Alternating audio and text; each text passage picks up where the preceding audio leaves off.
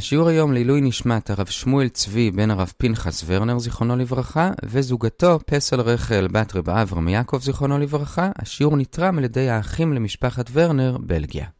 שלום לכולם, אנחנו לומדים את דף ז' במסכת סוטה באתר sny.org.il אנחנו מתחילים את הלימוד במשנה בעמוד א', נסיים בשורה האחרונה בעמוד ב', השיעור היום יהיה 11 דקות. היום אנחנו מתחילים ללמוד על תיאור התהליך של השקיית הסוטה, ולגבי זה נחלק את השיעור לשלושה חלקים. בחלק הראשון נדבר על ההליכה של הבעל והאישה אל ירושלים, בחלק השני נדבר על תחילת התהליך כשהם מגיעים למקדש, ובחלק השלישי נראה הערה קצרה לגבי האם כותבים שובר.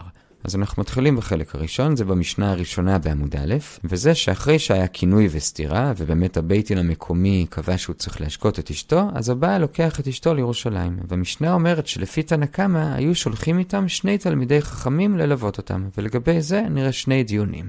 הדיון הראשון זה מה המטרה של אותו ליווי. אז בהווה מן הגמרא מבינה שהמטרה היא שהבעל והאישה לא יהיו בייחוד, כי הרי אמרנו כבר שאסור לבעל לבוא על אשתו בשלב הזה, ואם הם יתייחדו יש סיכון שהוא כן יבוא, לכן שולחים איתם אנשים בשביל שלא יהיה ייחוד. זה בהווה מינה, ולפי ההווה מינה הזאת, הגמרא לומדת שתי חומרות על הלכות ייחוד. אנחנו יודעים בהלכות ייחוד, בקידושין דף פא, שאם אישה נמצאת עם גבר אחד זה ייחוד, אבל אם היא נמצאת עם שני גברים זה כבר לא ייחוד. עכשיו, מהמשנה שלנו אפשר ללמוד ללמוד שתי חומרות על זה. דבר אחד, מה שאמרנו ששני גברים זה לא ייחוד, זה רק בעיר, אבל אם הם בדרך לאנשהו, אז לא מספיק שני גברים, אלא צריך שלושה, ולכן כאן באמת שלחו עם הבעל ואשתו עוד שני אנשים, כך שסך הכל היו שלושה גברים, ולמה? כי אם הם יהיו רק שניים ואחד ילך לצד לשירותים, אז הגבר שנשאר יהיה לבד עם האישה, לכן צריך שלושה, זאת חומרה אחת. חומרה שנייה זה שמה שאמרנו שמספיק שניים בעיר, או שלושה בדרך, גם זה דווקא בתלמידי חכמים. אבל באנשים פרוצים, גם זה לא מספיק, כי אנשים פרוצים לא מתביישים, אפילו עשרה ביחד יכולים לבוא על האישה, ולכן כאן באמת המשנה מדגישה ששלחו דווקא שני תלמידי חכמים ולא אנשים פרוצים.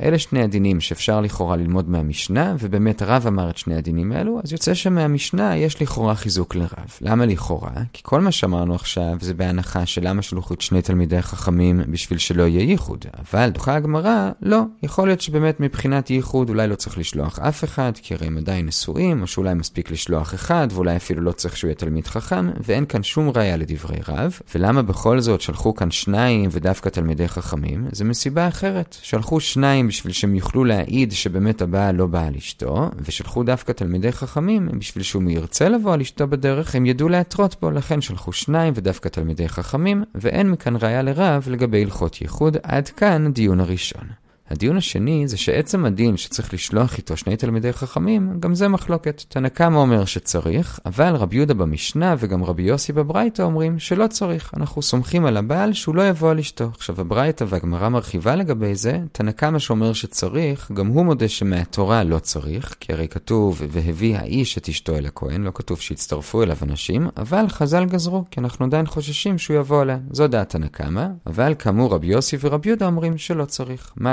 סברה, הרי לכאורה באמת יש חשש, אז הגמרא מביאה שתי סברות. סברה אחת זה קל וחומר. כמו שאתה לא אוסר באיסור ייחוד, בעל ואשתו כשהאישה נידה, והרי שם זה איסור כרת, אז גם כאן אל תאסור עליהם להתייחד, כשכאן אם הוא יבוא עליה זה רק איסור לאו. זאת הסברה הראשונה של רבי יוסי ורבי יהודה, היא מובאת גם בברייתא וגם במשנה, אבל חכמים דוחים אותה ואומרים אין כאן קל וחומר. באמת בנידה לא אוסרים, אבל כאן יש סיבה כן להחמיר ולאסור. למה? אז יש שתי סיבות. סיבה אחת זה שדווקא בגלל שנידה זה יותר חמור, אנחנו לא חושדים בבעל שהוא יעבור על איסור הכרת, לעומת זאת על איסור לאו, אולי הוא כן ירשה לעצמו לעבור. דבר שני, כשאשתו נידה, הוא יודע שעוד שבוע וחצי הוא כבר יוכל לבוא עליה. לעומת זאת כאן, הוא יודע שיכול להיות שעכשיו היא תשתה והיא תמות, לכן הוא רוצה לנצל לנצל את הפעם האחרונה והוא חושש לאבד אותה לעולם, ולכן כאן, לפי חכמים, לא סומכים עליו. אז את הסברה הראשונה של רבי יוסי ורבי יהודה שכן סומכים עליו קל וחומר מנידה, חכמים דחו, לכן כאמור יש סברה שנייה. הסברה השנייה, אומר רבי יהודה בברייתא, זה שזה פשוט פסוק מפורש. הרי כמו שאמרנו, כתוב, והביא האיש את אשתו אל הכהן. כלומר, התורה בפירוש כן סומכת עליו, ואין סיבה לומר שחכמים גזרו אחרי זה לא לסמוך עליו. עד כאן לגבי האם צריך ליווי או לא, ועד כאן החלק הראשון של השיעור, חילקנו את זה לשני דיונים. בדיון הראשון ראינו שאם צריך ליווי, הסיבה של זה זה לא למנוע ייחוד, אלא בשביל שיוכלו להעיד ולהתרות. בדיון השני ראינו מחלוקת האם בכלל צריך ליווי או שלא. החלק השני של השיעור זה מהמשנה הבאה בעמוד א', וכאן אנחנו ממשיכים לתאר את התהליך של השקיית האישה, ונחלק את זה לשלושה שלבים. השלב הראשון זה שהמשנה מתארת שהבעל מביא את אשתו למקדש, ואומרת המשנה שצריך להביא אותה לבית הדין הגדול שבמקדש, כלומר של ה-71, ואותו בית דין היה מאיים עליה, כמו שעוד מעט נראה. לפי התוספות, הבית דין רק נועד בשביל האיום, ואם אין בית דין לא נורא, אפשר להסתדר ולהשקות אותה גם בלי זה. לפי הרמב"ם הם חלק מהותי מהתהליך, הם גם משקים אותה, ובלי בית דין אי אפשר. בכל אופן, מה המקור לזה שצריך דווקא בית דין של 71 ולא בית דין קטן יותר של 23? הרי במקדש היו גם עוד שני בתי דין של 23. אומרת הגמרא, לומדים את זה גזרה שווה מהפסוקים של זקן ממרא. כי בסוטה כתוב, ועשה לה הכהן את כל התורה הזאת, ובזקן ממרא כתוב, על פי התורה אשר ירוחה, אז כמו ששם מדובר בבית דין של 71, גם כאן דווקא בית דין של 71. זה שלב ראשון. שלב שני, כאמור מביאים אותה לביתין, והביתין, המטרה שלהם כרגע זה לנסות לגרום לה להודות שהיא באמת טמאה, ככה גם היא לא תמות וגם לא נמחוק את המים סתם, ונגמור עם כל הסיפור בלי הבדיקה של המים. איך מנסים לגרום לה להודות? אז בהמשך נראה שגם היו מטרטרים אותה ומעיפים אותה ומביישים אותה, אבל כרגע נדבר רק על הדיבור, היו מדברים עליה. בהתחלה היו משתמשים בלשון רכה, היו אומרים לה, ביתי, אולי זה לא אשמתך, הרבה יין עושה, הרבה שחוק עושה, הרבה ילדות עושה, בואי תודי ותגמרי עם הסיפור. זה בלשון רכה, אם זה לא עוזר עוברים ללשון קשה יותר ומאיימים עליה ומסבירים מה יקרה אם היא באמת זינתה והיא תשתה, והמשנה אפילו לא רוצה להגיד איזה דברים נוראים אומרים לה, המשנה רק אומרת, ואומר לפניה דברים שאינם כדאי לשומן הוא וכל משפחת בית אביה. זה מה שכתוב במשנה, עכשיו על זה נראה שני דיונים בגמרא.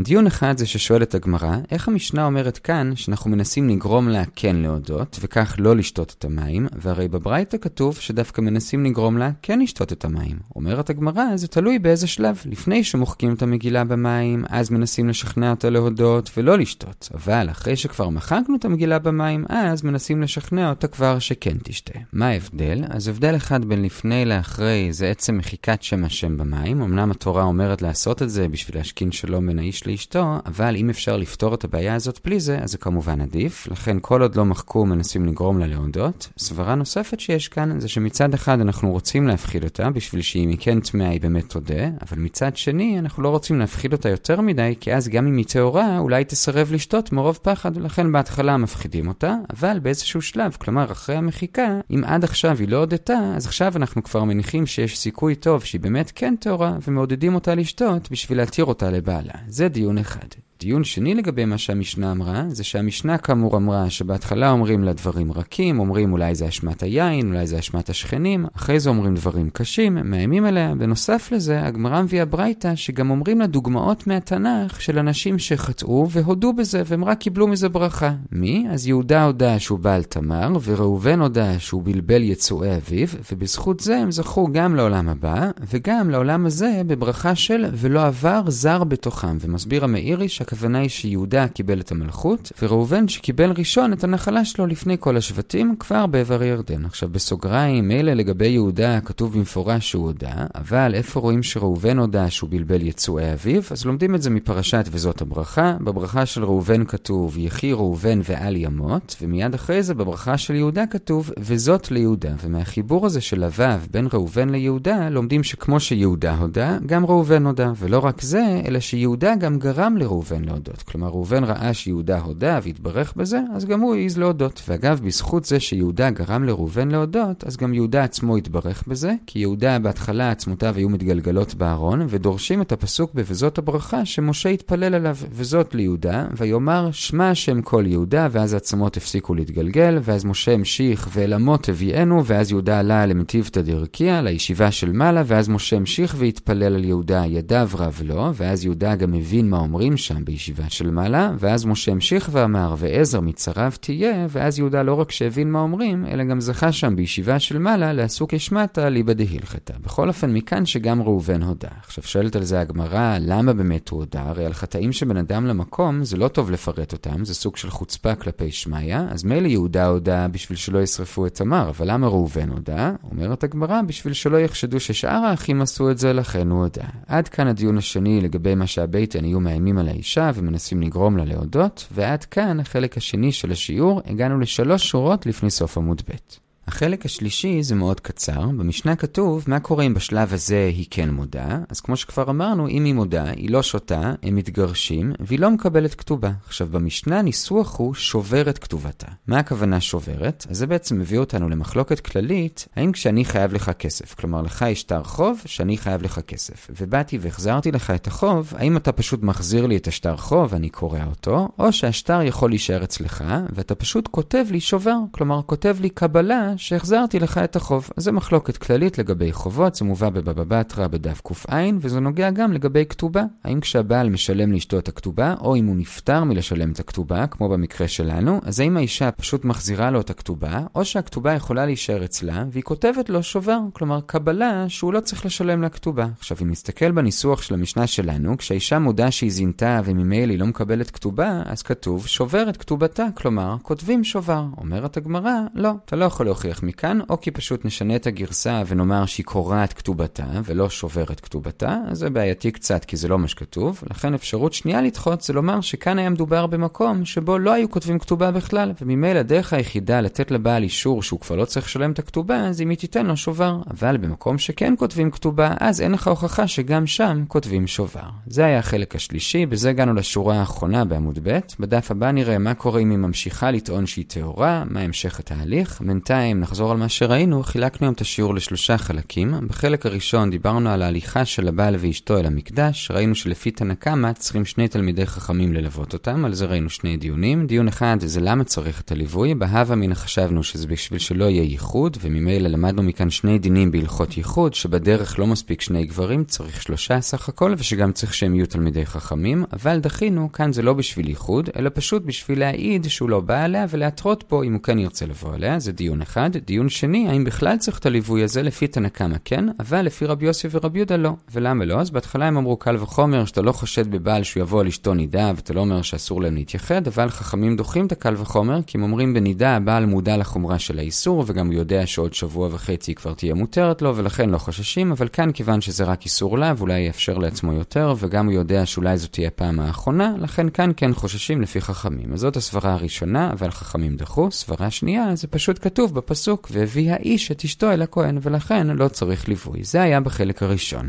בחלק השני, תיארנו את ההמשך, הם מגיעים לירושלים, מגיעים לבית דין הגדול, ראינו את המקור לזה שצריך דווקא את הבית דין הגדול, כי כתוב כאן תורה, ובזקן ממרא כתוב תורה, ואז הבית דין מנסים לגרום לה להודות שהיא טמאה, בשביל שלא נצטרך להשקות אותה, ועל זה ראינו שני דיונים. דיון אחד, הרי בברייתא כתוב שדווקא מנסים לעודד אותה כן לשתות, ולא לומר שהיא טמאה, וענינו, זה תלוי באיזה שלב. עד מחיקת הקלף במים מנסים לגרום לה להודות שהיא טמאה. אחר כך, כשכבר אין לנו עניין להציל את שם השם מלהימחק, וגם מניחים שאולי באמת אם היא שרדה בעמדתה עד עכשיו, אולי באמת כן טהורה, אז מנסים לעודד אותה כן לשתות. דיון שני, חוץ ממה שכתוב במשנה, שאומרים לה בהתחלה דברים רכים, כמו למשל, אולי זה לא אשמתך, אולי זה כי שתית יין, אולי שכנים שלך השפיעו עלייך, וגם אומרים לה דברים קשים, שזה האיומים של מה יקרה לה אם היא תשתה והיא זינתה. בנוסף לזה, גם מביאים לדוגמאות מהתנ"ך של אנשים שחטאו והודו, וזה יהודה וראובן, והגמרא מביאה מקור לזה שבאמת גם הודה, ושניהם התברכו מזה גם בעולם הזה וגם בעולם הבא. זה היה החלק השני. בחלק השלישי ראינו איזה הערת אגב לגבי זה שאם האישה מודה שהיא טמאה, אז הם מתגרשים והיא לא מקבלת כתובה, אז הניסוח של המשנה זה שובר את כתובתה. ומכאן לכאורה משמע שכשאדם נפטר מאיזשהו חוב, אז הבעל חוב, כלומר המלווה, או במקרה שלנו האישה, כותב לו שובר, וזה מחלוקת בבבא בתרא, לכן אומרת הגמרא, מכאן אי אפשר להוכיח, כי כאן אולי מדובר דווקא במקום שבו אין כתובה, וממילא אי אפשר לקרוא את הכתובה, כי פשוט אין כתובה, ולכן אין ברירה, אלא שהאישה תכתוב שובר. אבל במקום שבו כותבים כתובה, אז אולי לא כותבים שובר, אלא פשוט כשהבעל נפטר מהכתובה, אז פשוט קוראים את שטר הכתובה.